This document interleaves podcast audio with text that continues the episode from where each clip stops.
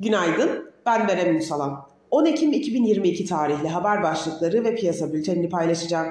Erdoğan faiz indirim çağrılarını yinelerken bu kardeşiniz bu görevde olduğu sürece faiz inmeye devam edecektir dedi.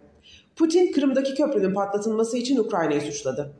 Bloomberg Economics küresel ortalama politika faizinin yıl sonunda %5.2'ye ulaşmasını bekliyor. Yaklaşan bilanço sezonunun hisselerde yeni bir dalgalanma yaratması bekleniyor. Hisse senetleri ve emtia piyasaları haftaya kayıplarla başlıyor.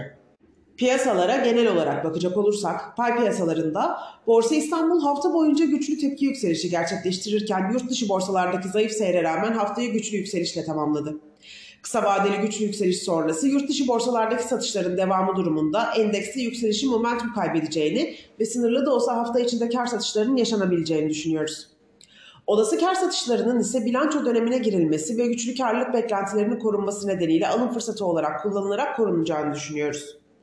Borsa İstanbul'un cuma kapanışına göre ABD ve Almanya vadeli endeksleri düşüşle seyrediyor. Asya borsaları yeni haftaya Çin'den gelen zayıf PMI verilerinin de etkisiyle satıcılı başladı. Teknik analiz verilerine bakacak olursak gün içinde 3550 ve altına gerileme alım fırsatı, 3600 ve üzerinde kısmen düşük hacimli yükselişler ise trade amaçlı satış fırsatı olarak takip edilebilir.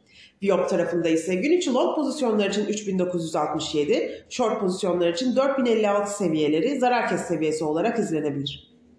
Borsa İstanbul'un ve endeks kontratının güne negatif bir eğilimle başlamasını bekliyoruz. Kazançlı günler dileriz.